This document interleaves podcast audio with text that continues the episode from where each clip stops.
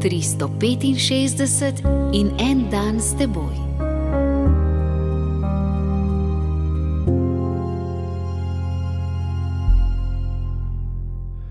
Iz pisma Filipijanom, četrto poglavje, osma vrstica.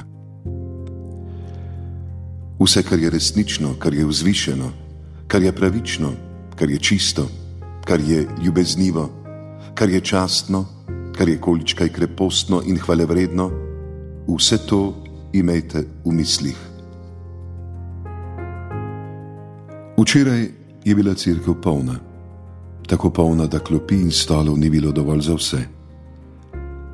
Pri blagoslovu na koncu maše sem pomislil, če bi se vsi ti mladi, otroci, možje, žene, starejši in ta duhovnik iz cerkve vrnili v svoje hiše, stanovanske bloke, na ulice, v tovarne, v pisarne, v bifeje, na avtobuse z odločno mislijo, da bodo delali vse, kar je dobro, lepo, pravično, hvale vredno, kaj bi se zgodilo?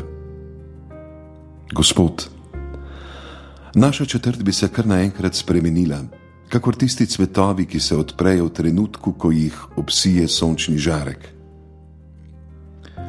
Na to sem pomislil na vse cerkve v Italiji in po svetu, najbrž ravno tako polne, kakor naša. Mislil sem si, če bi vsi kristijani šli iz vseh cerkva s trdnim sklepom, da bodo delali vse tisto, kar je dobro, lepo, ljubeznivo, kaj bi se zgodilo? Italija in ves svet bi se naenkrat spremenila. Gospod, mi pa zdaj odhajamo iz cerkve in zgodilo se ne bo nič.